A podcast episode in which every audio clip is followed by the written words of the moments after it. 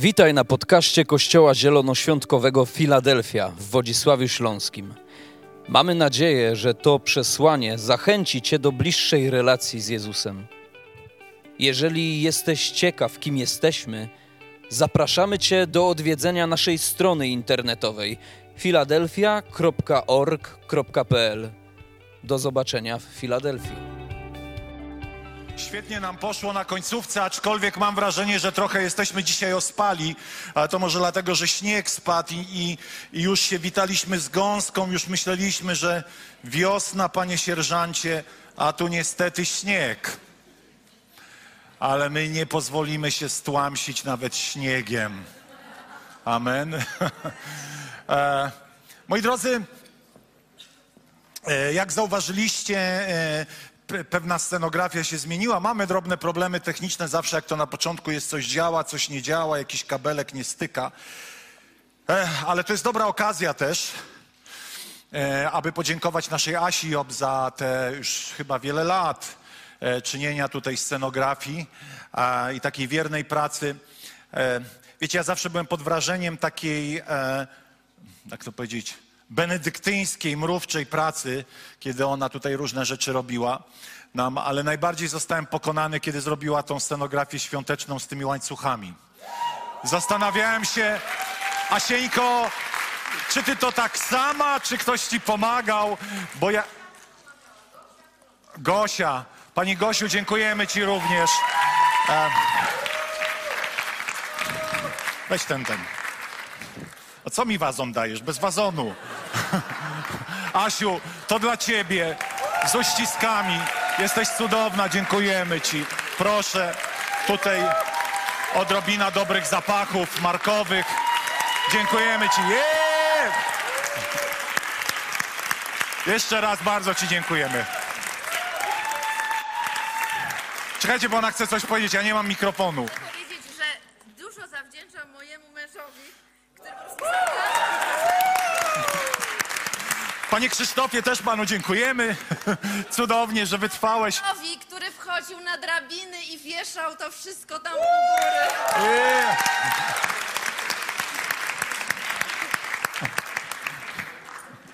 Cudownie. Wiecie, ten ko kościół kocham za wiele rzeczy, ale jeszcze e, jedną z nich jest właśnie taka wdzięczność, taka atmosfera szacunku, że mogliśmy naszym cudownym wolontariuszom na, na, na czele z Joanną e, podziękować. No ale nadeszła nowa era, także, ale jak to już w królestwie bywa, mm, Asiu, na pewno Pan powołuje Cię do następnego sezonu, nie wiem jakiego, ale, ale wsłuchuj się w ten głos, bo, bo ten nowy czas nadchodzi, cokolwiek to znaczy. Moi drodzy, co jakiś czas będziemy mieli takie mm, kilkuminutowe, oczywiście tutaj e, ci wszyscy, którzy organizują te nabożeństwa, tylko mówią, tato, krótko, tak zwane e, przemowy pastorskie. Przemowy pastorskie polegają na tym, że to jest kilka minut, w których chciałbym wam tam opowiadać o różnych takich jakichś sprawach, które się dzieją, jak to się mówi, na backstage'u, czyli za kulisami albo równolegle. E, I mm, dzisiaj chciałem was zachęcić do jednej rzeczy, która jakby nie dzieje się równolegle, bo dzieje się poza kościołem, a mianowicie chciałbym was za zachęcić, droga Filadelfio, do uczestnictwa Nations of Fire School, czyli szkole biblijnej, która odbywa się w Warszawie w systemie rocznym, dziesięciu zjazdów, o ile dobrze pamiętam, weekendowych. Pierwszy chyba jest w marcu. Wiecie, to trochę tak być sędzią we własnej sprawie to niezręcznie, bo też tam jestem wykładowcą, ale naprawdę e, ekipa wykładowców jest przednia. E, I są dwa sposoby jakby uczestnictwa. Można zapisać się bezpośrednio jeżdżąc tam, do czego oczywiście też zachęcamy, ale ktoś może powiedzieć, tak jak niektórzy z nas tutaj rozmawialiśmy, nie możemy, bo mamy dzieci, albo coś tam, coś tam, takie tak zwane realne e, przeciwności i trudności. E, to mamy dla Was też taką propozycję, że chcemy stworzyć grupę, która będzie z nami, e, która będzie online. E, I, e, I koordynatorem, bo też można online uczestniczyć na tych wykładach, jest e, Adrian. Adrian, pokaż się, ale to, to oni cię nie widzą. Chodź, wstań, pokaż, zobaczcie, to jest Adrian. A tak, witamy. I z Sabiną, małżonką, razem organizują taką grupę online. Także po nabożeństwie możecie do nich uderzyć. Oni mają garść informacji, co, jak i dlaczego. Więc, więc tak to po prostu można zrobić, że można tam do nich się udać i do, do Nations of Fire School się zapisać. Także to mm, w kwestiach takich organizacyjnych. E, no cóż, moi drodzy, to może tyle dzisiaj. Moje trzy minuty się skończyły. E, ostatni, a może nie ostatni, trudno mi jeszcze powiedzieć. Jakoś tak nie czuję się syty, że wyczerpałem ten temat. Więcej niż zwycięstwo. E, wiecie, bo z Kościołem to jest trochę tak, że w pogoni jakby inaczej. Kościół, czy my tutaj, którzy znają Pana, jest od tego, aby być uczniami i czynić uczniami. Z jednej strony, aby wzrastać w wierze, ale z drugiej strony, żeby też innych pozyskiwać do królestwa i aby oni wzrastali w wierze. Jednym z takich atrybutów Królestwa Bożego i uczniów Jezusa Chrystusa jest to, że chodzimy w zwycięstwie. E, czasami tego zwycięstwa nie widać i chodzi o to, żebyście może niektórzy z nas słuchający dzisiaj tych rzeczy przeszli z takiego miejsca ofiary losu do miejsca zwycięstwa. Z takiego miejsca ogólnie e, ofiary różnych zdarzeń, przegrywu do miejsca, w którym zaczniemy zwyciężać. E, bo to jest normalne życie chrześcijanina. To jest normalna droga dla ciebie, normalna droga dla mnie. Czy to znaczy, że nie przegrasz jakichś bitew? Oczywiście, że tak. Czy to znaczy, że będą tylko same wygrane? Oczywiście, że nie. Ale chodzi o to, abyśmy nadali sobie taką tożsamość dzięki Jezusowi Chrystusowi zwycięzców. E, czasami to tak nie jest, bo głowa mnie boli i nie pójdę do kościoła. I wtedy ja sobie myślę, serio? Chyba, że masz migrenę, okej. Okay. Ale czasami drobne sprawy czynią z nas przegrywów. Drobne niedogodności sprawiają, że porzucamy to, co jest e, wizją dla nas. A, nie chce mi się, źle się czuję, miałem gorszy dzień i odpuszczamy wiele Bożych rzeczy w naszym życiu. Zgadzacie się z tym? Tak, tak bywa. I to jest słabość Bożego ludu. Muszę Wam powiedzieć, że im bogatsi będziemy jako naród, tym łatwiej i wygodniej będziemy chcieli iść za Jezusem. To jest smutne. Dlatego Wiecie, kiedy przychodzisz tutaj pierwszy, drugi raz, jesteś jak to baby, jak to niemowlę. Wszyscy chcemy opiekować się takim dzieciaczkiem. Wiecie, jak to jest, dziecko się rodzi i wszyscy, daj podtrzymać, a daj podtrzymać, a mama już białe gorączki dostaje, bo każdy chce podtrzymać. No nie ma tak. Ale w Królestwie Bożym można tak, wiecie. I o, jaki, o, dzień dobry, jak masz na imię? E, Bartuś. O, cześć Bartuś, pierwszy raz u nas jesteś? Tak, pierwszy raz. A jak ci się podobało? Do bani. E, to trudno, drugi raz będzie fajnie. Ale wiecie, jakby chcemy otoczyć trochę taką opieką i to jest okej. Okay. To jest bardzo okej. Okay. Dlatego, że trudno od kogoś, kto pierwszy, drugi raz e, e, o, oczekiwać kogoś, kto to złapie i będzie, wiecie, taki ja raczej obawiam się ludzi, którzy pierwszy raz przychodzą i pastorze, gdzie ta lista do chrztu, bo się chce ochrzcić. Tak, serio? I ci, którzy najszybciej reagują, najszybciej odpadają. Mówię wam poważnie. O, kto chce dzisiaj iść za Jezusem? O, pierwszy raz, ja chcę iść za Jezusem, trzy razy pochodził, już poszedł do domu. Czasami ci najbardziej oporni, ja nie mówię, że teraz masz być oporny na siłę, ale wiecie, ci czasami przesadnie entuzjastyczni tak emocje bardzo mocno grają, ale jesteśmy w tym e, e, etapie dziecięcym i jesteśmy tacy delikatni w wierze czasami. Ja pamiętam, już chciałem, e, wiecie, była taka historia, że myśmy dojeżdżali do, do kościoła do Jastrzębiu busem, do Jastrzębia busem i, i właściciel tego busu już po kilku miesiącach przyszedł i mówi, słuchajcie, no fajnie, fajnie, ale może byście dali jakąś kasę na paliwo. Ja niechcący byłem świadkiem tej rozmowy. Jak ja to usłyszałem, mówię, nie, ja już tu nie przychodzę. Tu chodzi o kasę. No tak, on, brat, nie chce wozić nas za darmo. Co to za brat? Ja wiem, że niektórzy by chcieli ciągle za darmo, ale to nie to miejsce. Natomiast ja poczułem się zgorszony, że facet chce na paliwo. Nie chce, e, wiecie, za, e, jak to się mówi księ, po- księgowemu, za amortyzację, kilometrówkę za kilometr, jak to dzisiaj chyba jest, ale on chciał tylko za paliwo, żeby już nie dokładać, dawał swój czas, dawał swój samochód, żeby wozić darmozjadów z Wodzisławia, a my, a ja się obruszyłem, mówię, nie chodzę już do zboru. Nie ma głupich, tu chodzi o kasę. Widzę, że to wszyscy na pieniądze. Taki drobna rzecz, była dla mnie takim zgorszeniem, to nie było zwycięstwo.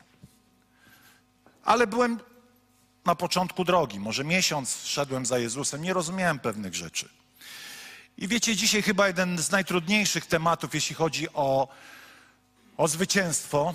I nie usłyszycie ode mnie, wiecie, siedem kroków duchowej walki, e, cztery kroki, e, nie wiem, zwycięskiej modlitwy, e, czy tam jakieś inne bardzo spektakularne atrybuty zwycięzcy ale raczej dziś opowiem Wam o tym, co wydaje się z punktu y, zwycięzcy według kultury tego świata absolutnie raczej cechą przegrywów. A mianowicie o pokorze chcę dzisiaj powiedzieć jako klejnocie świętych. Tak naprawdę, kiedy studiujesz Biblię, to odkrywasz, a nie będzie się świeciło? Nie, no szkoda, było tak fajnie. Jak ja wystąpię w telewizji teraz? Może i dobrze. Moi drodzy, więc, e, więc chciałbym Wam opowiedzieć o pokorze. Nie jakobym był pokorny, ale dlatego, że to jest absolutnie najważniejsza bitwa, którą musisz wygrać w swoim życiu. Najważniejsza.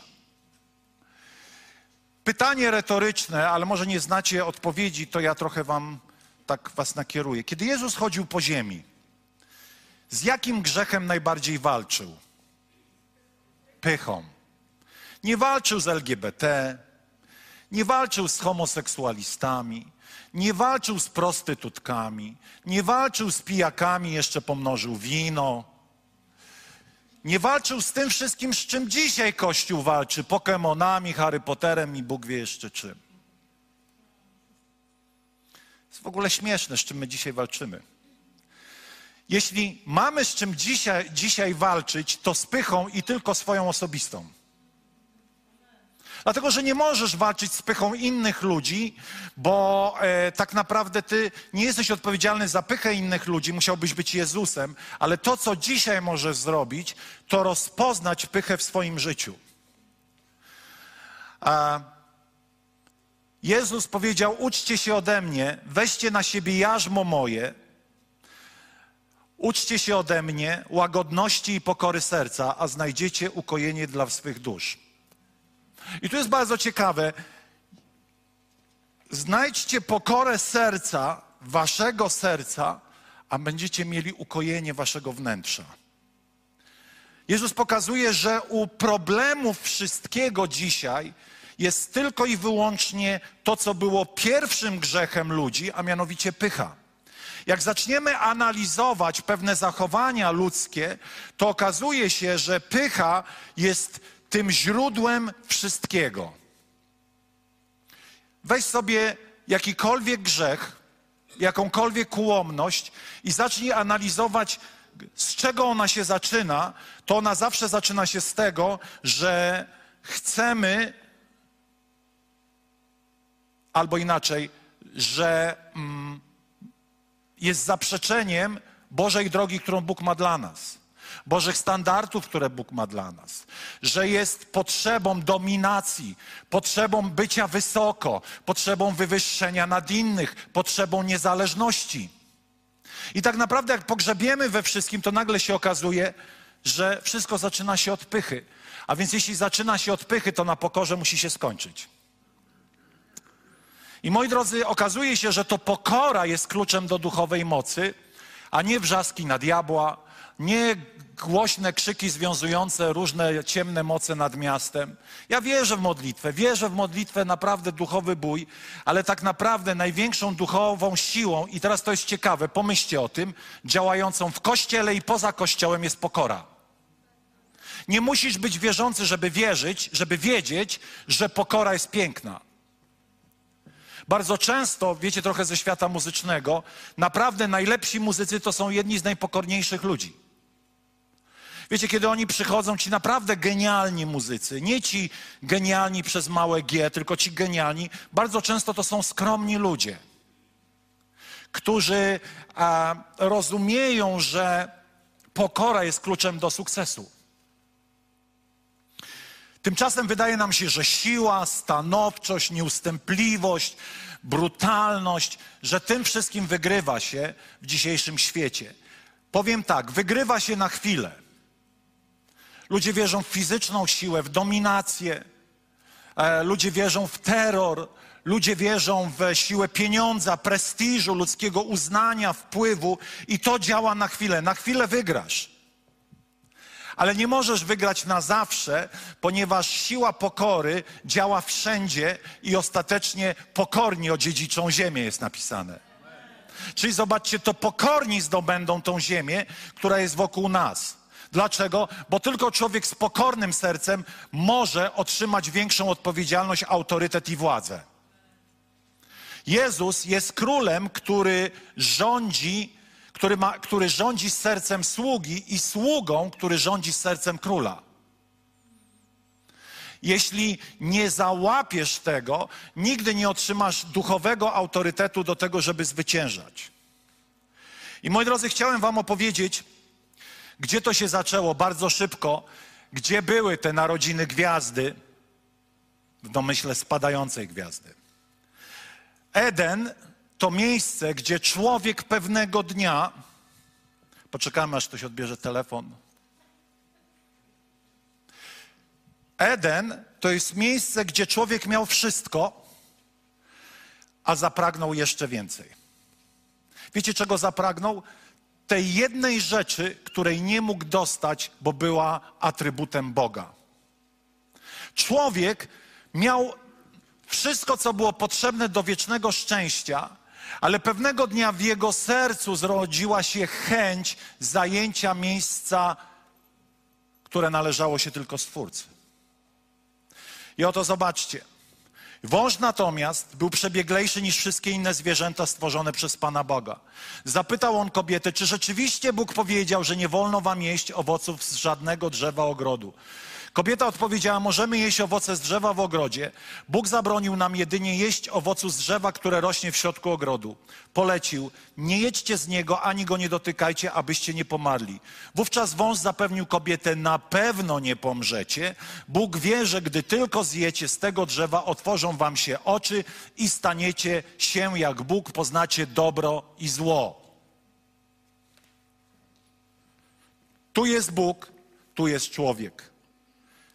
Pomiędzy nimi już nie ma nic więcej, ale człowiek zaczyna mieć wątpliwości i mówi: Hmm, chcę być tu, a najlepiej jeszcze tu. I diabeł mówi: Bóg nie chce dla was dobrze. Bóg chroni was przed tym, co naprawdę jest najlepsze.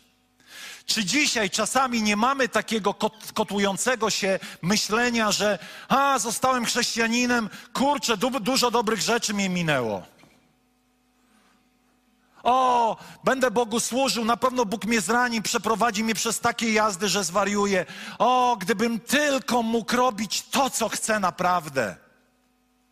Gdybym tylko mógł mieć to i to i tamto i jeszcze tamto, nawet jeśli tak nie myślimy, to chcę Wam powiedzieć, że tak myśleliśmy. Nawet jeśli tak nie myślimy, to wiele razy doświadczamy tego, że tak dzisiaj myśli współczesny człowiek. Nikt mi nie będzie mówił, co mam robić. Nikt mi nie będzie ograniczał mojego życia. Serio? Nikt nie będzie nakładał na moje życie barier. Życie jest życiem, w którym obowiązują pewne bariery, ponieważ jeśli nie będą obowiązywały pewne bariery, to ludzkość przestanie istnieć.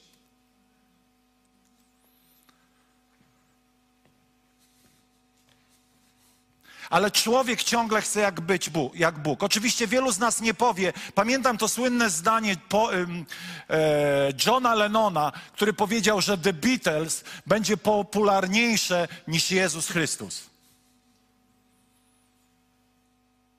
Został zastrzelony, o ile dobrze pamiętam, Steve Chapman, tak? Chyba się nazywał ten, który go zastrzelił.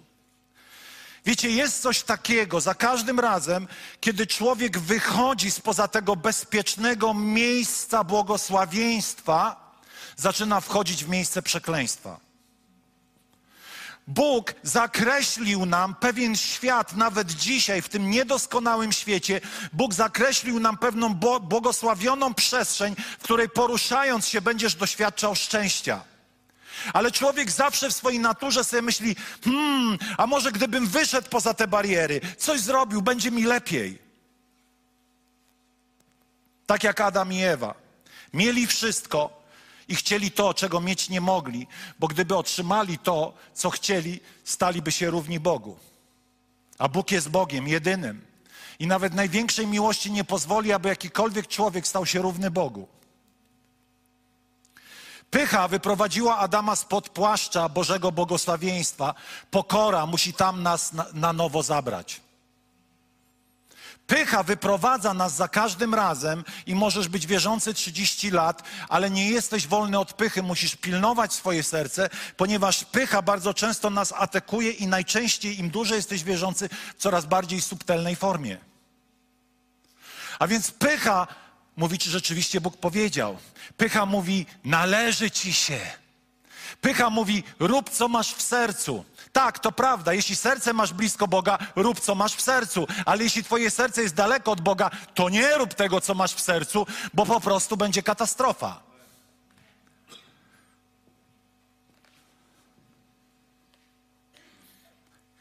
I zobaczcie, człowiek był wysoko, ale chciał być jeszcze wyżej i nagle spada. Kiedy czytałem tą historię, ona mnie nie przeraziła ona mnie wzruszyła tym, co zrobił Bóg po upadku Adama i Ewy. Wiecie, co on zrobił? Przychodzi, Adam i Ewa nagle zaczynają doświadczać wstydu.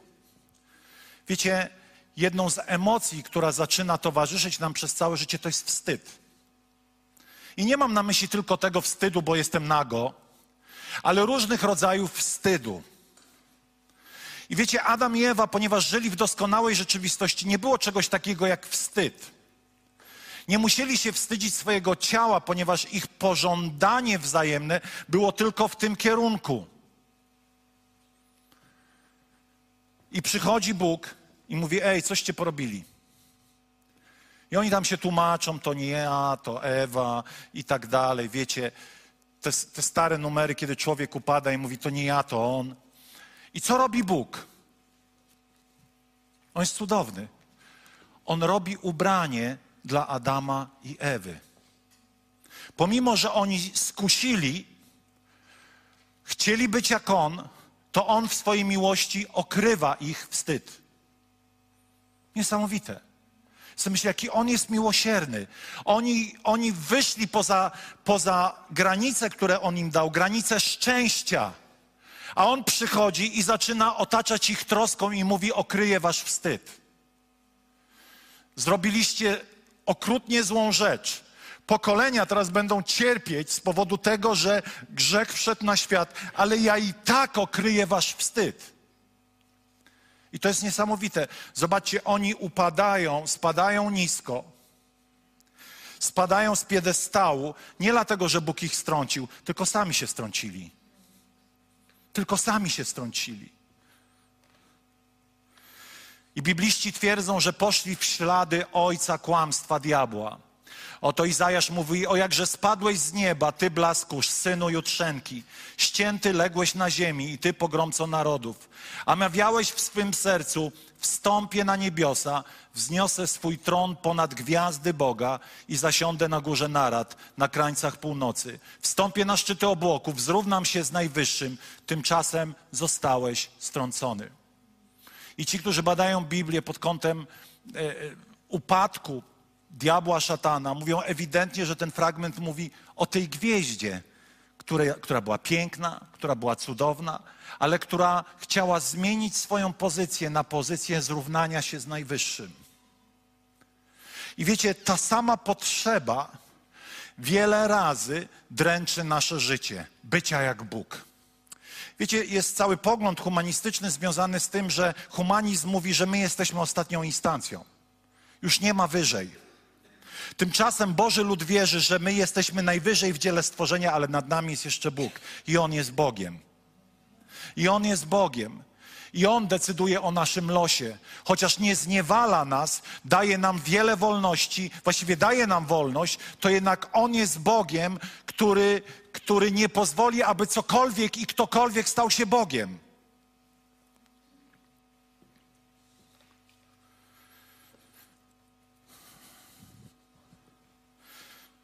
Czyż i dzisiaj nie nazywamy niektórych ludzi gwiazdami? Jutrzenka to jest gwiazda Wenus, która jest ciekawa, w ciemności słabo świeci, za dnia też nie świeci, ale najlepiej świeci, kiedy, kiedy, kiedy noc łączy się z dniem, kiedy jest wschód.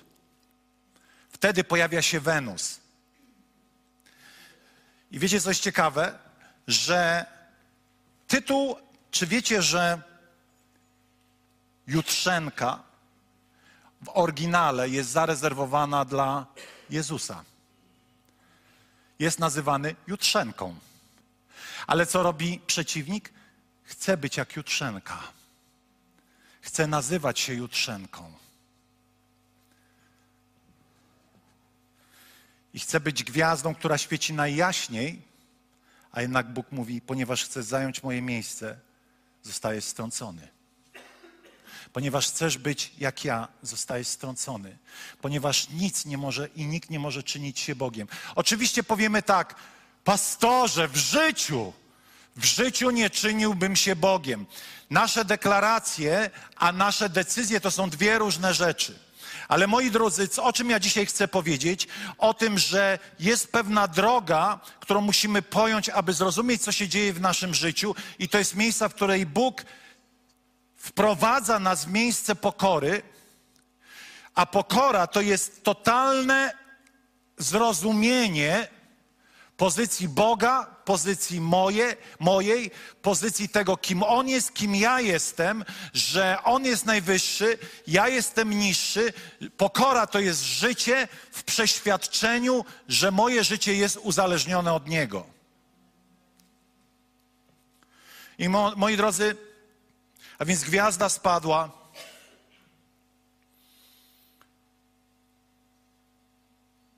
Człowiek zapragnął być gwiazdą, a w swoim sercu wszedł wysoko i spadł nisko. Ale to nasienie pychy, ono jest w nas, w każdym z nas. Posłuchajcie tego. Pycha po grecku, wiecie jak brzmi? Hiperfania. Hiperfania, pycha. Nie wiem, czy to jest bezpośrednie połączenie ze słowem fan, bo fan jest od słowa fanatyk, ale odkryłem, przeczytałem, że fanatyk jest od słowa świątynia. Czyli uznaje kogoś drugiego prawie jak świątynię albo jak świątynię. Z czego? Jestem do obłędu sfokusowany na czymś. I teraz pycha zabiera mnie do miejsca, w którym oczekuję, że będzie mi oddawana cześć, ponieważ jestem wyżej niż reszta. Mam swoich fanów, ukrytych, nieukrytych, mam swoich wielbicieli, ludzi, którzy będą podpalali moje, moje poczucie wielkości. A pyszny to hiperfanos, wyniosły, dumny, zarozumiały, pyszny, zuchwały. Oczywiście nikt z nas nie przyzna się, że jest pyszny. Ale nasze czyny, nasze myśli, nasze zachowania o tym mogą mówić. Moi drodzy, bardzo szybko chciałbym Wam opowiedzieć historię gościa, który po ludzku mógłby walczyć w MMA. Kawał, jak to się mówi, byka, silny, siłą fizyczną, facet, który po prostu nie przepuszczał i był w stanie nawet uciąć ucho, jak trzeba było. Mowa o Piotrze. Piotr to był naprawdę kawał mężczyzny. Skąd to wiemy? Wiemy, bo był rybakiem, wiemy, że miał miecz, wiemy, że kiedy przyszli po Jezusa, to odciął ucho i może wydawać się, że to jest super bohater. Ale opowiem wam historię Piotra w czterech odsłonach, których super bohater okazał się super tchórzem. I myślę, że gdyby Piotr dzisiaj był pośród nas, powiedziałby i dobrze, że mnie to spotkało. Dlaczego ja chcę o tym powiedzieć? Dlatego, że, bardzo, że Bożą drogą do pokory w naszym życiu jest posłuszeństwo Słowu. Zgadzać się z tym? Słowo nas wyposaża. Ale jak tu nas Słowo ma wyposażać, jak ostatni raz Słowo czytałeś na Boże Narodzenie do kolacji narodziny Jezusa? Więc prawdopodobnie nie jesteś kształtowany przez Boże Słowo. Jesteś kształtowany przez samego siebie i podejmujesz decyzje, które czynią z ciebie hip- hiperfana. Człowieka, który żyje w wyniosłości, nawet jeśli się przed tym broni. Albo nawet jeśli udaje, że jest pokorny. Bardzo często żyjemy w niezależności od Boga i Bóg musi pozwolić nam upaść, bo dzisiaj chcę Wam powiedzieć o upadku człowieka, aby wzbudzić z niego nowego człowieka. Myślę, że wielu na tej sali mogłoby opowiedzieć swoją historię upadku. Jak moja niezależność, moje poczucie wyjątkowości, moje poczucie lepszości, moje poczucie, nie wiem, mówią, że jestem fajny i w ogóle, że jestem taki zaradny. Większość ludzi w jakimś obszarze życia ciągle przegrywa. Tylko o tym nie mówi. Nawet jeśli oglądamy superbohaterów, którzy osiągają po ludzku różne, wiecie, dramatyczne historie, to okazuje się, że każdy z nas ma jakąś sferę ciemności, w której przegrywa. Nie musicie mi o tym mówić, tak po prostu jest. Każdy z nas ma coś, czego się wstydzi, w czym przegrywa. I zastanawiamy się, jak wygrać, i próbujemy o własnych siłach wygrywać bitwy, których sami wygrać nie możemy. Dlatego musimy dojść do miejsca, w którym zostanie uwolniona Boża łaska nad Twoim i moim życiem. I Piotr był tak pewny swojej siły, że oto Piotr prezentuje swoją osobistą moc i oto jest napisane w Ewangeliada. Wtedy Szymon Piotr zwrócił się do niego: Panie, dokąd idziesz? Jezus powiedział: Tam dokąd idę, teraz iść za mną nie możesz, jednak potem pójdziesz. Co mówi Jezus? Jezus mówi tak. Ja wiem, gdzie idę, ale ty jesteś zbyt tchórzliwy, żeby za mną pójść. Jesteś zbyt słaby, aby za mną pójść. On mu tego nie mówi wprost, ale możemy to zrozumieć z całej tej historii. Piotrze, wydaje ci się, że mógłbyś za mną pójść, ale ty, i zobaczcie, co teraz Jezus mówi. Jezus dia- zna diagnozę Piotra i mówi tak. A Piotr ciągnął dalej. Panie, dlaczego teraz nie mogę iść za tobą? Życie moje oddam za ciebie. Jezus odpowiedział: Oddasz za mnie swoje życie? Ręczę i zapewniam, zanim kogut zapieje, trzy razy się mnie wyprzesz.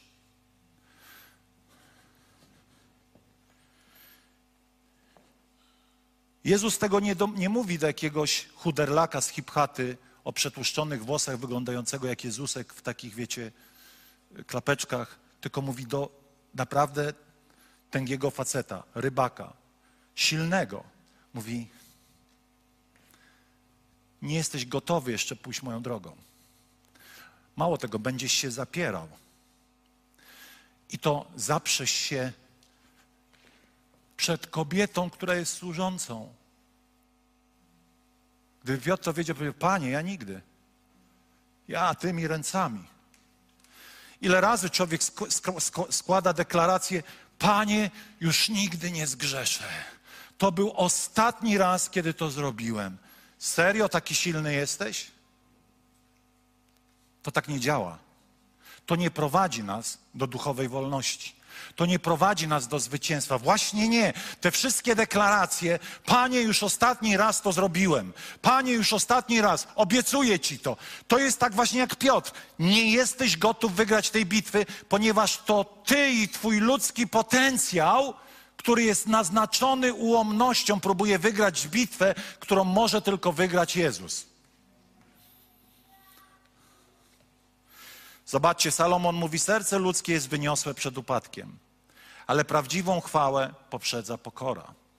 Pycha chodzi przed upadkiem, wyniosłość ducha przed potknięciem. Dlatego, kto myśli, że stoi, niech uważa, aby nie upadł. Czasami bardzo mocno wierzymy w swoją siłę.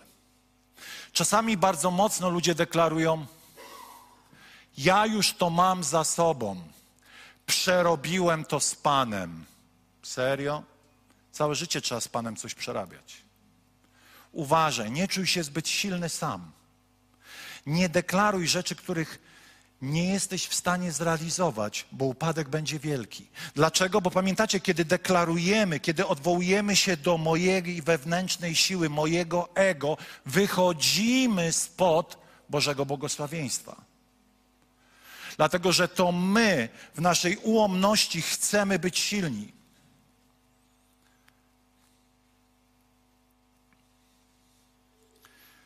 No i Piotr sobie żyje, Pan Jezus sobie żyje. I przychodzi moment, kiedy Jezus zostaje pojmany. I oto Piotr zostaje sam. Ciekawym jest to taka obserwacja, że wszystko to, czego Piotr dokonywał, wielkiego, było zawsze wtedy, kiedy Jezus był obok. Chodził po wodzie kiedy? Kiedy Jezus był obok. Odciął ucho strażnikowi, kiedy Jezus był obok. I nagle Jezusa nie ma już. Nagle zostaje zabrany i co zaczyna się dziać? I gdy tak siedział w blasku płomieni, zobaczyła go jakaś młoda służąca. Może ważyła 45 kilo? Może 50 niech będzie, a może 60. Przyjrzała mu się badawczo i stwierdziła, ten człowiek był z nim. Piotr powinien powiedzieć, Oczywiście. Ginę za wiarę. Prowadź dokąd chcesz. Pójdę w jego ślady. A co robi Piotr? Piotr upada. Moi drodzy, on w jego mniemaniu był tak wysoko, tak jak wiele razy my jesteśmy, czujemy się tak wysoko, silni, wyjątkowi swoją własną siłą, talentem, zapobiegliwością. To nie są złe rzeczy pod warunkiem, że żyjesz w ciągłym, pokornym sercu, które za chwilę o tym powiem. I Piotr jest wysoko, panie, dokądkolwiek pójdziesz. Jest jednym ze znamienitszych apostołów. Potem napisze kilka listów. I ten Piotr, który jest taki fajny i w ogóle, zapiera się i to jeszcze przed kobietą, nie ujmując nic, nic siostrą. No wiecie, chodzi o siłę fizyczną, w tym sensie. On jednak wyparł się, nie znam go, kobieto. No dobra, raz mu się zdarzyło. Po chwili zobaczył go ktoś inny i powiedział: Ty jesteś jednym z nich, Piotr, na to. Człowieku, nie jestem. Godzinę później, czyli zobaczcie, nawet sobie tego nie przemyślał. Godzina minęła, mógłbym powiedzieć: kurde, zaparłem się, trzeba jakąś tutaj, yy, yy, trzeba się jakoś zreflektować. No dobra, dwa razy dałem ciała, trzeci raz nie dam. Ale za godzinę on nawet jeszcze nie jest gotowy, jeszcze nie jest skruszony, jeszcze w nim jest ten stary Piotr. Godzinę później jeszcze inna osoba zaczęła się opierać. Naprawdę, ten też był z nim. Jest przecież Galilejczykiem. Człowieku powiedział Piotr, nie wiem o czym mówisz. W tej chwili, gdy jeszcze to mówił, rozległo się pianie koguta. I teraz zobaczcie. Widzimy, że Pan pojawia się znowu w sąsiedztwie Piotra. Pan obrócił się i utkwił w Piotrze wzrok. Myślę sobie, jaki to był wzrok. Myślę, że to nie był wzrok, a nie mówiłem. Dlatego, że Jezus był pokornego serca i Jezus nie był, nie był w stanie, jakby nie chciał okazać swojej wyższości, bo był sługą wszystkich. On tylko się odwrócił, być może to było takie spojrzenie miłości, że Piotr nie mógł nic innego zrobić, jak tylko zapłakać i zobaczyć, jak bardzo zawiodła jego siła, jego ego.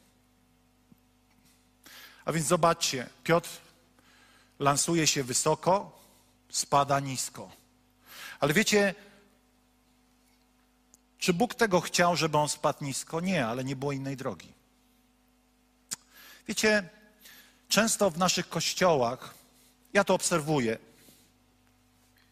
ciągle jest taki przekaz, że super, że super, że super, super i super i fajnie i super. I to jest oszukiwanie ludzi. Dlatego, że czasami przychodzą momenty, w którym spadamy z wysoka, aby nowy ja, nowy ty mógł się narodzić. W duchu idziemy do nieba. Ale spadamy z wysoka, żeby nasze poczucie lepszości, wyniosłości zostało skruszone jak szklane serce na drobny pył. I Piotr spada, jego serce jest złamane. I wiecie, smutnym by było, gdyby ta historia skończyła się tutaj. Ale ona toczy się dalej i wiemy, że jest moment, w którym jest moment, idziemy dalej, kiedy następuje, kiedy złamany Piotr, zniechęcony, rozczarowany kim? Bogiem? Nie, sobą. Sobą. On już wiedział, że Jezus zmartwychwstał, widział go zmartwychwstałem, ale wiecie, on był w takim miejscu, w którym mówił: Nie kwalifikuję się, trudno, darmo, idę w buraki. I co robi Jezus? Mówi: Piotrze, teraz jesteś gotowy. Przyjdę, uleczę cię z twojego złamania i skruszenia. I wiecie, na tym polega element chrześcijańskiego życia, który musi wybrzmieć, który musi wybrzmiewać, że Bóg, kiedy nie jesteśmy posłuszni Jego Słowu, prowadzi nas do miejsca, w którym nas łamie. A czy, co On nas łamie? Nasze ja, nasze ego, naszą ludzką naturę, która zawodzi. Po to On to łamie, żebyśmy naprawdę zaczęli zwyciężać. I to jest ta bolesna część podążania za Jezusem. Śpiewaliśmy kiedyś taką piosenkę Złamnie. I wiecie, w niej była taka głębia, że złamnie, ponieważ stary ja przeszkadza uwolnieniu Twojej mocy, bo moc jest uwalniana, kiedy moje stare ja jest skruszone i wtedy rodzę się do nowego. Gdy więc jedli śniadanie, Jezus zapytał Szymona, Szymonie, synu Jana, czy kochasz mnie? Bardziej niż pozostali. Odpowiedział: Tak, panie, ty wiesz, że cię kocham. Pan na to, dbaj o moje jagnięta. Przecinek. Wspominałem o tym. Największym rozczarowaniem w chrześcijańskiej wspólnocie nie było, nie było wiele różnych grzechów. Najgorszym grzechem było to, kiedy ktoś ze wspólnoty w obliczu prześladowań zaparł się Pana. Nie można wtedy było tak z ulicy wejść i powiedzieć: Pokutowałem, wiecie, przeprosiłem Jezusa, przyjmijcie mnie z powrotem. To była najgorsza skucha, jaką człowiek we wspólnocie pierwszych chrześcijan mógł, mógł, mógł zrobić. I oni mówili, musisz tak rok być, zbadamy cię na nowo, bratku, jak ty się masz i potem cię przyjmiemy z powrotem. A co robi Jezus? Łamie wszystkie kościelne zasady. I mówi, Piotrze, dzisiaj jesteś gotowy. Twoje ego zostało skruszone w drobny mak. Im więcej ego, tym więcej skóch zaliczysz. Im więcej ego, tym więcej bitew przegrasz. Im więcej ego, tym więcej bólu doświadczysz w swoim osobistym życiu. Ale wiecie, my boimy się tego momentu, w którym dochodzimy do miejsca kompletnej bezradności, jak Piotr, który się go zaparł. Wiecie, nie zaparł się go chuderlak mający 45 kilo tylko zaparł się ktoś, kto miał fizyczną siłę, musiał uznać, że tak naprawdę bez Boga nie jest w stanie wygrać żadnej bitwy.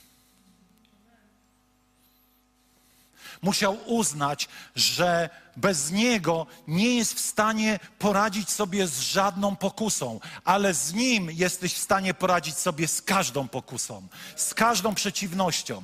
Wiecie, boję się składać deklarację, że o, gdyby przyszły prześladowania, Panie, my to znamy, ja bym poszedł za Tobą dokądkolwiek, zginąć za wiarę to przywilej. Wiecie, nie bądź nienormalny, nie składaj deklaracji, co do których nie wiesz, że jesteś w stanie je wypełnić. Co najwyżej bym powiedział, gdy przyjdą trudne czasy, będę prosił Boga o łaskę, aby zachować wiarę.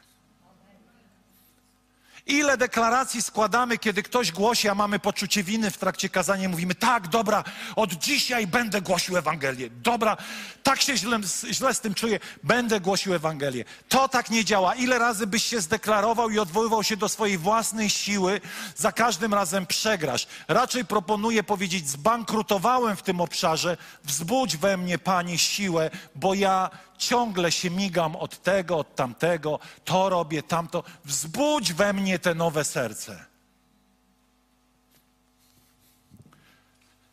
I wiecie, Piotr trzy razy mówi Jezusowi, że go kocha. Czy Jezus nie wiedział, że Piotr go kocha? Wiedział, ale Piotr musiał sam do siebie mówić to, żeby wyjść z tego miejsca porażki. I Pan Jezus mówi: Dobra, będziesz pasł moje, moje, moje, moje owieczki. Jesteś gotowy. Twoje serce jest skruszone. Moi drodzy, ale ta historia dalej się nie kończy. Ponieważ Pan Jezus powiedział: Poczekajcie na Ducha Świętego, bo na razie, Piotrze, zaparłeś się publicznie, to doprowadzę cię do miejsca, w którym publicznie zrobisz taki show, że kilka tysięcy ludzi się nawróci. Piotr już ma gotowe serce, ale jeszcze potrzebuje czekać chwilę. Na co? Na moc Ducha Świętego. Pan Jezus mówi: Nie oddalajcie się od, od, z Jerozolimy. Wiecie, wielu ludzi dzisiaj, ja mówię to całkiem otwarcie, dziwię się, że tak nie chcecie być napełnieni Duchem Świętym i mówić nowymi językami. Że niektórym nie zależy, a tak jestem chrześcijaninem i tak sobie idę z Panem Jezusem. A Pan Jezus mówi, i przyjmiecie moc z wysokości. I zaczniecie mówić nowymi językami, i będziecie mi świadkami, i będziecie wyganiali złe duchy, i będziecie robili to, tamto. Dzisiaj można Kościół budować bez mocy Ducha Świętego. A, bo to tak głupio, jak będę coś beblał. To znaczy, że twoje ego ciągle oczekuje pozytywnej oceny od innych ludzi. Ciągle bardziej ci zależy, aby ludzie cię poklepywali, niż abyś doświadczył posłuszeństwa Bogu. Piotr idzie dalej w tej swojej historii, jest modlit- schowany na modlitwie. Ale może tak, kiedy przychodzi czas złamania naszej pychy, Bóg stoi w gotowości, aby pomóc przyjąć nam prawdziwą duchową siłę. I moi drodzy, być może jesteś w takim miejscu, że zostałeś złamany, że, że Twoje ego, poczucie Twojej osobistej, to słowo osobistej siły, zostało złamane. Teraz jesteś na rozstaju dróg. Albo obrazisz się na Boga i cały świat i dalej będziesz brnął w swojej pysze, albo staniesz w miejscu i powiesz, tak, potrzebuję Boga i pójdziesz za Bogiem. Wiecie, byłem wielki po to, żeby stać się nikim.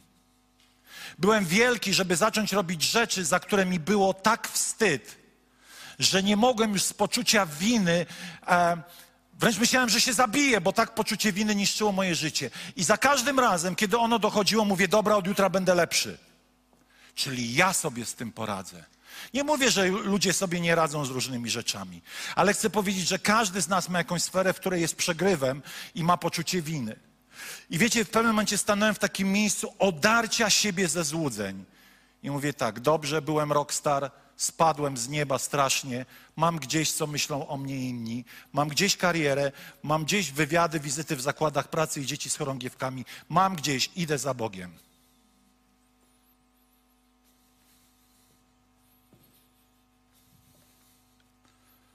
Wiecie, czułem się źle ze sobą wtedy. Pamiętam, stałem, 300 ludzi patrzyło na mnie jak na ostatnią sierotę. A on w telewizji był. Stał bezradny, odarty ze złudzeń. Ale wiecie, to, było, to był najpiękniejszy dzień w moim życiu. Bo abdykowałem, zbankrutowałem po to, żeby Boża łaska stąpiła na mnie. I co się dzieje z naszym Piotrem? Oto Piotr zostaje utulony przez Pana, ale jeszcze nie wyposażony. Dochodzi do miejsca, w którym zaczyna doświadczyć, w którym doświadczył łaski i mocy Bożej. I wówczas powstał Piotr wraz z jedenastoma, podniósł swój głos i wyraźnie przemówił. Pamiętacie? Piotr się zaparł Pana.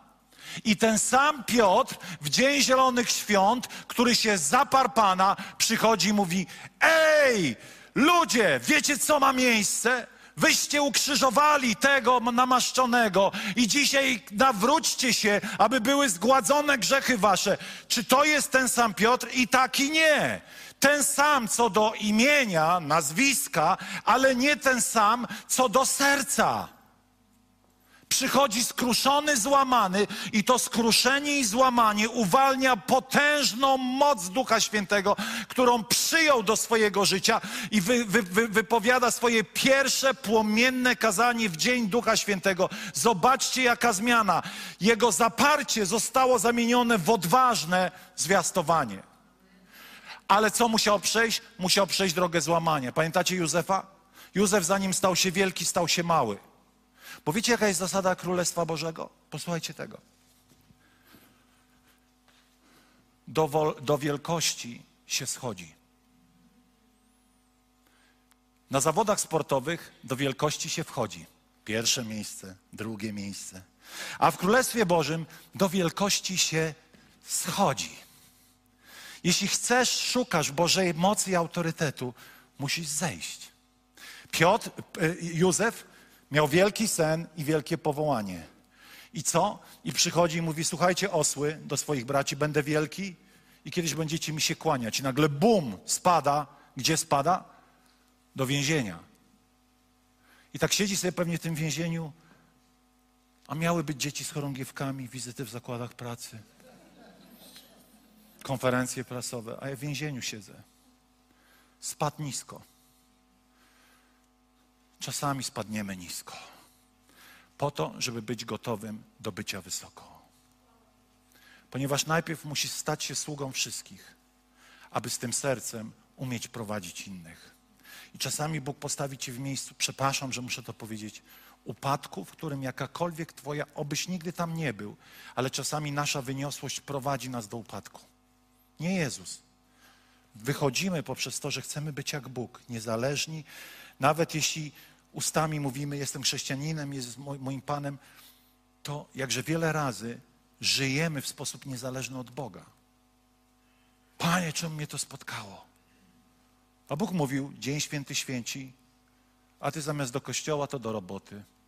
Ja nie mówię, wiecie, to już nie chcę za każdym razem powtarzać, nie mówimy o tych, którzy pracują w ruchu ciągłym, ale jakże wiele razy lekceważymy Boże rzeczy, które są dla nas drogowskazem do objawienia się powodzenia, mocy Bożej i zwycięstwa. Piotr został złamany, ale jego zaparcie zostało zastąpione odważnym głoszeniem Ewangelii. I ten prosty rybak napisał listy, które my dzisiaj czytamy. Ten prosty rybak szedł do świątyni, uzdrowił sparaliżowanego. Ten prosty rybak miał wizję, dzięki której zaprowadził moc Ducha Świętego dla pogan. Pamiętacie Korneliusza? Ten, który się zaparł, w tym zaparciu zrodził się na nowo. Więc bracie, siostro, jeśli szukasz Bożej mocy, to najpierw pozwól się Bogu złamać. Jak On nas łamie? Łaska Boża jest uwalniana nad poddanymi Bogu, nad ludźmi pokornymi. Oto Jakub, wiecie, Jakub to jest apostoł, który raczej nie był dyplomatyczny. Mówi tak: Podporządkujcie się zatem Bogu, przeciwstawcie się diabłu, a od was ucieknie. Problem czasami jest taki, że my przeciwstawiamy się diabłu, wrzeszczymy po nim. Opowiadam wam pierwszy egzorcyzm w moim życiu, cztery godziny wrzasku. Myślę, że już ten diabeł z tego wrzasku postanowił uciec. Już nie mógł mnie słuchać. Dobra, idę, idę, już nie krzycz. Ja też bym uciekł po czterech godzinach. Ale kiedy szukasz uniżenia, to Boży autorytet jest nad tobą uwalniany. Nie musisz krzyczeć, żeby rzeczy się działy.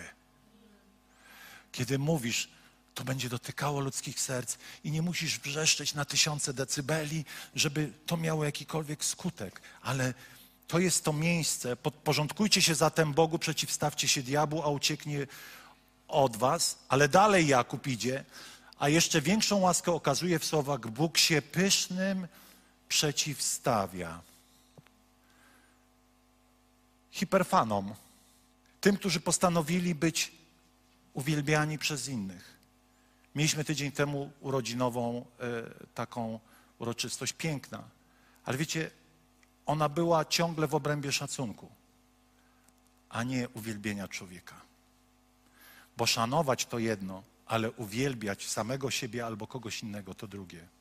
Czasami ludzie bardziej podniecają się kazaniem Władka Z niż samym Jezusem. O, Andrzej, on jak miażdży, on ją wymiata w ogóle. A ten Grzesiu, jak on jak powie kazanie, to w ogóle jazda. Serio? Serio to nas kręci? A może by nas kręcił Jezus w tym kazaniu? Jesteśmy wdzięczni za ludzi, ale musimy pamiętać, że łaska jest uwalniana. Jeśli przemawiasz do ludzi, to pamiętaj, że łaska jest uwalniana nad uniżonymi, a nie tymi, którzy szukają atencji, szukają, wiecie, uwagi. Bóg się przypysznym przeciwstawia, ale pokornym darzy łaską. Czyli kiedy uniżam się przed Bogiem, ale też uniżam się przed ludźmi.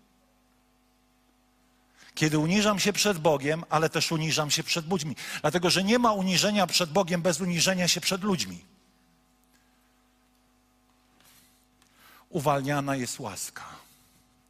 Przystąpcie do tronu Bożego, abyście otrzymali miłosierdzie i łaskę w stosownej porze. Czyli kiedy przychodzi na mnie pokusa, kiedy przychodzi na mnie presja, staję przed Bogiem, mówię: Panie, po ludzku nie mam siły, ale wiem, że Twoja łaska da mi siłę do zwycięstwa. Jezu, jak to działa, jak prawo matematyczne. Aż jestem tym przerażony. Już powiem, no co pastor, że mam łaska, łaska gadać. Proś Boga o, o łaskę, kiedy przychodzą pokusy. Proś Boga o łaskę, kiedy przychodzi niebezpieczeństwo upadku. Wzywaj Go, powiedz, Panie, niech Twoja łaska przyjdzie, bo sobie nie radzę. Jakże wiele razy człowiek chce być jak Bóg i szuka wywyższenia. Czy to znaczy, ja już kończę, bo może przynudzam, ale czy to znaczy, że wiecie, tak jak z tym dowcipem, albo nie, ten dowcip zostawię na chwilę, ale byliśmy wysoko i spadliśmy, tak? Człowiek naprawdę jest w stanie robić okropne, jest w stanie robić okropne rzeczy jak zwierzę. Potrafi być potworem, bo spadliśmy. Ale Bóg w swojej łasce chce przywrócić nam należną pozycję. Ale to zaczyna się od uniżenia. Bo zobaczcie, co jest napisane.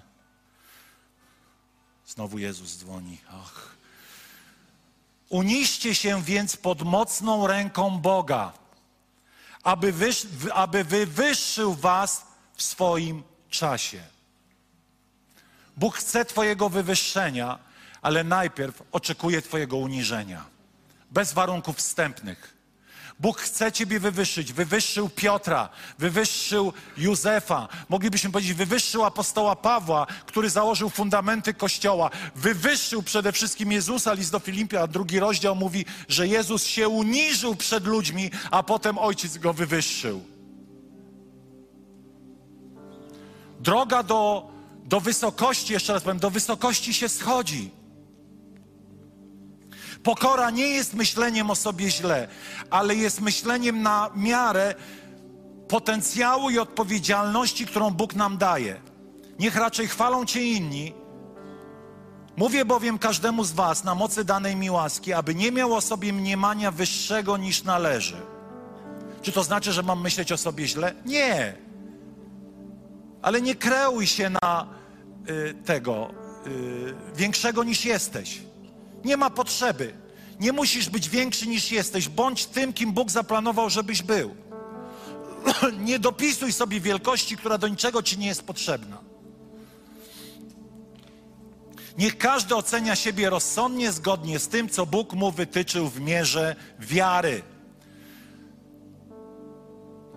Odnoście się do siebie z podobną wyrozumiałością. Nie bądźcie wyniośli, skłaniajcie się raczej do tego, co skromne.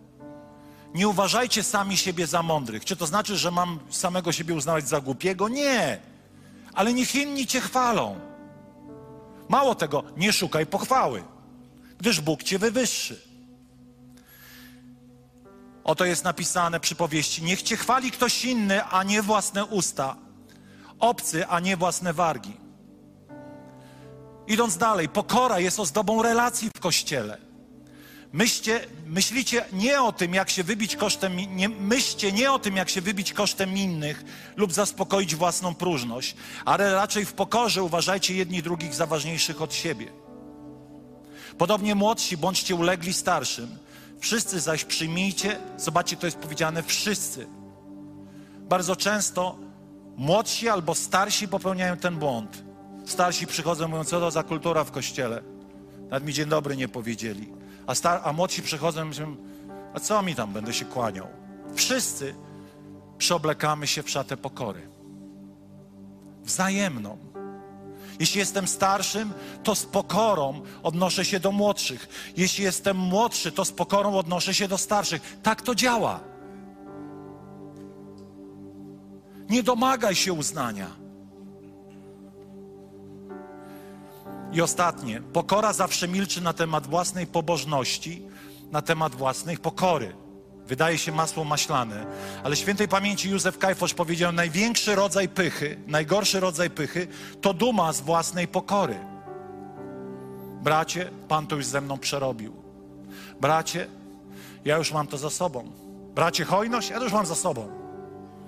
Bracie, miłość, a już to przerobiłem.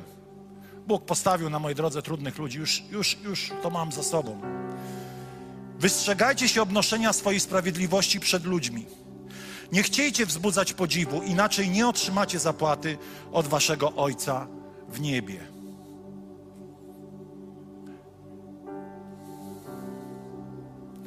Czyż Pan Jezus nie walczył właśnie z czymś takim? Faryzeuszami, którzy tak bardzo reklamowali swoją pobożność.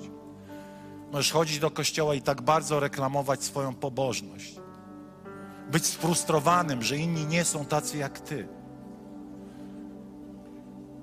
Nikt się tu nie angażuje, nikt mnie nie wspiera. Ja tymi ręcami służę w kościele, nikt inny ze mną tego nie robi.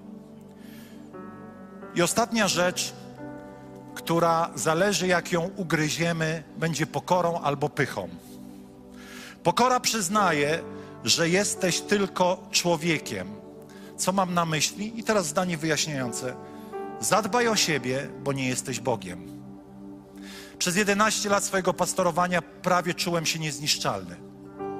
Wolny poniedziałek? Gardzę. Pastorzy, którzy mają w poniedziałek wolne, oni są cieleśni. Ja służę 7 dni w tygodniu, 24 godziny na dobę. Aż pewnego dnia odcina mi prąd i sobie myślę, a, jestem tylko człowiekiem. O, nie jestem Bogiem, potrzebuję odpocząć. Kiedyś ktoś powiedział takie zdanie: Najlepsze to, co możesz dać swojemu kościołowi, to najlepszego siebie w zdrowiu, w świeżości, w bliskiej relacji z Bogiem. Ale to wymaga uznania, że muszę się zatrzymać i odpocząć. Oczywiście niektórzy całe swoje chrześcijańskie życie odpoczywają. Bracie, może byłbyś w służbie witania, nie mogę, jestem tak zarobiony, bracie, jestem tak zarobiony, jestem tak zmęczony, nie mogę, nie mogę. A więc niektórzy z nas całe życie odpoczywają, nie o tym mówię. Ale jest, wiecie, taki świetny fragment, i psychologowie zaczynają zawsze od tego swoją terapię, jest napisane: Miłosierny okazuje so, także sobie miłosierdzie. Albo by można było powiedzieć: Troskliwy także zatroszczy się o siebie. Pierwsze, co musisz zrobić, to uznać, że jesteś człowiekiem i zadbać o siebie. Zadbać o siebie. Kiedy samolot leci i wiecie, wydarza się coś złego, wy, wy, wy, wyskakują maski gazowe, co człowiek musi najpierw zrobić, kiedy leci z dzieckiem? Założyć sobie. To jest wbrew logice matczynym, matczynym nawykom, ponieważ chcielibyśmy założyć dziecku, ale kiedy nie będziesz miał tlenu, nie założysz tej maski dziecku. A więc jeśli chcemy być użyteczni, pokora nie polega na dewastowaniu swojego zdrowia w imię jakiegoś poświęcenia dziwnego. Pokora nie polega na złym mówieniu o sobie. Po, pokora nie polega na autodestrukcji, jak niektórzy myślą. Pokora nie polega na sztucznym udawaniu pokornego. Pamiętacie ten dowcip? Kobieta śpiewa w kościele, pastor podchodzi siostro. Jakie to cudowne. O bracie, to nie ja, to Pan. Nie aż tak dobre, to to nie było. Pan zrobiłby to lepiej. To nazywamy sztuczną pokorą. Tylko mnie nie chwal, tylko mnie nie chwal, wszelka chwała Panu, tylko mnie nie chwal. Weź się puknij w głowę. Chwalę Cię, bo to jest kultura szacunku. Chwalę, bo Biblia mówi o tym, żeby dodawać sobie otuchy. Mówić, kiedy coś jest dobrze, żeby dobrze mówić o sobie nawzajem. A Ty w swoim sercu powiesz, Panie, dziękuję Cię, że mnie użyłeś. Ponieważ w sercu jesteś pokornie połączony ze swoim Bogiem ale nie odwalaj tego religijnego cyrku i nie, nie udawaj, jak jesteś pokorny. Bracie, nie, nie, nie, nie, nie, nie, nie chcę tego słuchać, nie możesz mnie chwalić. Nie, bo już odebrałem nagrodę. Nie, nie mogę. Bracie, jestem pokornym sługą. To jest raczej cyrk i, i, i... O, może już nie brnijmy. A więc, moi drodzy, kończąc. Bóg z reguły poprowadzi każdego z nas do miejsca złamania i skruchy. W różnych obszarach. Czasami to jest miejsce, które będzie dotyczyło całego Twojego jestestwa, a czasami to jest jakiś obszar. Czasami to jest jakiś wycinek życia. To może być jakaś sfera, do której nie wpuściłeś Jezusa. Bóg prowadzi nas nie po to, żeby nas tam zostawić, tylko żeby wzbudzić w nas prawdziwą siłę wynikającą z uniżenia przed Nim. Że zaczynamy chodzić w pokorze przed swoim Bogiem. Mało tego, zaczynamy chodzić w pokorze przed innymi ludźmi. Wiecie, pokora zaczyna się w niedzielę, kiedy ktoś wychodzi i mówi: Wznieśmy ręce dla Pana. A co mówi a, i co robi pokorny człowiek? Oczywiście, że wniosę. Jesteśmy razem. Co mówi człowiek wyniosły? Nie będzie mi smarkacz mówił, co mam robić. Mam 75 lat i nie będzie mi mało lat mówił, że mam ręce wnosić. To jest pycha. To jest pycha. Bo Tymoteusz miał 17 lat i Paweł mówi: Niech ci nikt nie lekceważy z powodu twojego, z twojego y, młodego wieku. A ktoś inny powie, co mi tam będzie stary dziad opowiadał, że coś on tam wie więcej niż ja. Ja tutaj power, tu światła, bam, bam, bam, bam, bam. No nie, tak to też nie działa.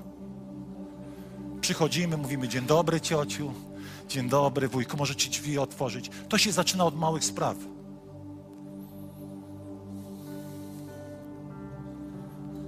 A potem, kiedy się różnimy, to potrafimy różnić się pięknie. Jesteśmy gotowi na zmianę swoich poglądów bo kiedyś ktoś może mieć rację. Jestem gotowy na rozmowę, jestem gotowy na ścieranie się różnych koncepcji. Jestem gotowy, ponieważ chcę zająć postawę, w której będę miał pokorne serce, nawet jeśli to czasami wymaga ode mnie jakiegoś dyskomfortu. Pokora nie jest niszczeniem osobowości drugiego człowieka. Pokora nie ma nic wspólnego z poniżaniem. Ale pokora to jest raczej miejsce, w którym ja decyduję być pokorny, a nie wymuszać pokorę na kimś innym. Niech każdy pilnuje siebie, a będzie dobrze. Powstańmy.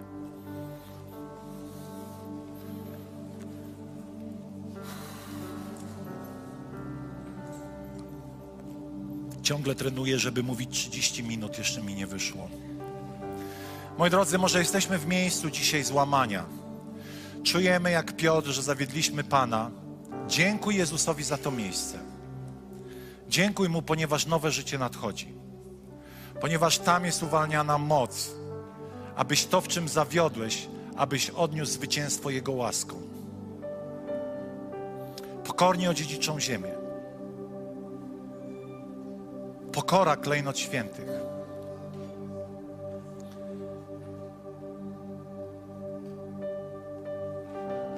Ojcze, modlę się, abyśmy pozwolili Tobie złamać nasze ego, naszą wyniosłość, abyśmy zaprosili Cię, ponieważ Ty masz dla nas lepszą drogę. Panie, modlę się, aby każdy na tej sali wyszedł stąd dotknięty, aby każdy z nas prosił Cię, Duchu Święty, o pokorne serce. Panie, abyśmy umieli uniżać się przed Tobą i sobą nawzajem. Panie, aby wyniosłość, egocentryzm, nieprzejednanie tam, gdzie potrzeba wzajemnej uległości, zostało usunięte spośród nas. Panie, abyśmy dzisiaj zaprosili Ciebie do naszych miejsc, w których przegraliśmy. Abyśmy poprosili Ciebie, Panie, abyś Ty ustanowił tam swoje rządy. Właśnie dzisiaj jesteś w takim miejscu, w którym czujesz, że przegrałeś i chciałbyś znowu powiedzieć: Spróbuję jeszcze raz. Nie próbuj, tylko powiedz: Panie, jestem bezradny i potrzebuję Ciebie. Cokolwiek mam dzisiaj zrobić, Panie Boże, zrobię. Jakkolwiek mam zawrócić z jakiejś błędnej drogi, zawracam. Być może musisz dzisiaj zawrócić z drogi bezbożnej. Wierzysz w Jezusa na, na zasadzie: okej, okay, jest, jest. Albo wierzysz i tak trochę się uśmiechasz w sercu, fajnie, fajnie jak można być mądrym i wierzyć w te bajki. No właśnie, jak mądra być, być mądrym i wierzyć w e, ewolucję. Kiedyś ktoś mądry powiedział, na początku pracy naukowej odrobina nauki przynosi ateizm. Ale kiedy dalej zgłębiasz naukę, to musisz wierzyć. To wiesz, że ktoś to wszystko stworzył. Tym kimś jest Jezus Chrystus. On stworzył ten świat dla nas. Ale dzisiaj jest moment, w którym możesz zawrócić z tej drogi niezależności wobec Boga, tej drogi zuchwałości, w której mówisz: A po co mi Bóg? A do czego On mi jest potrzebny? Cieszę się swoim życiem. Nie bądź jak Piotr. Nie bądź jak Józef, którzy mają fałszywe poczucie siły, ponieważ wyniosłość kiedyś cię zawiedzie. Tam, gdzie jesteś, możesz zawołać w swoim sercu: Jezu, chcę się do Ciebie nawrócić. Chcę zostawić swoją niezależność, twardy kark i chcę pochylić dzisiaj swoje serce przed Tobą. Pomyśl o tym przez chwilę z Twoim Bogiem i nawróć się całym swoim sercem do Niego w imieniu Jezusa. Amen. Amen. Niech Bóg Was błogosławi. Amen.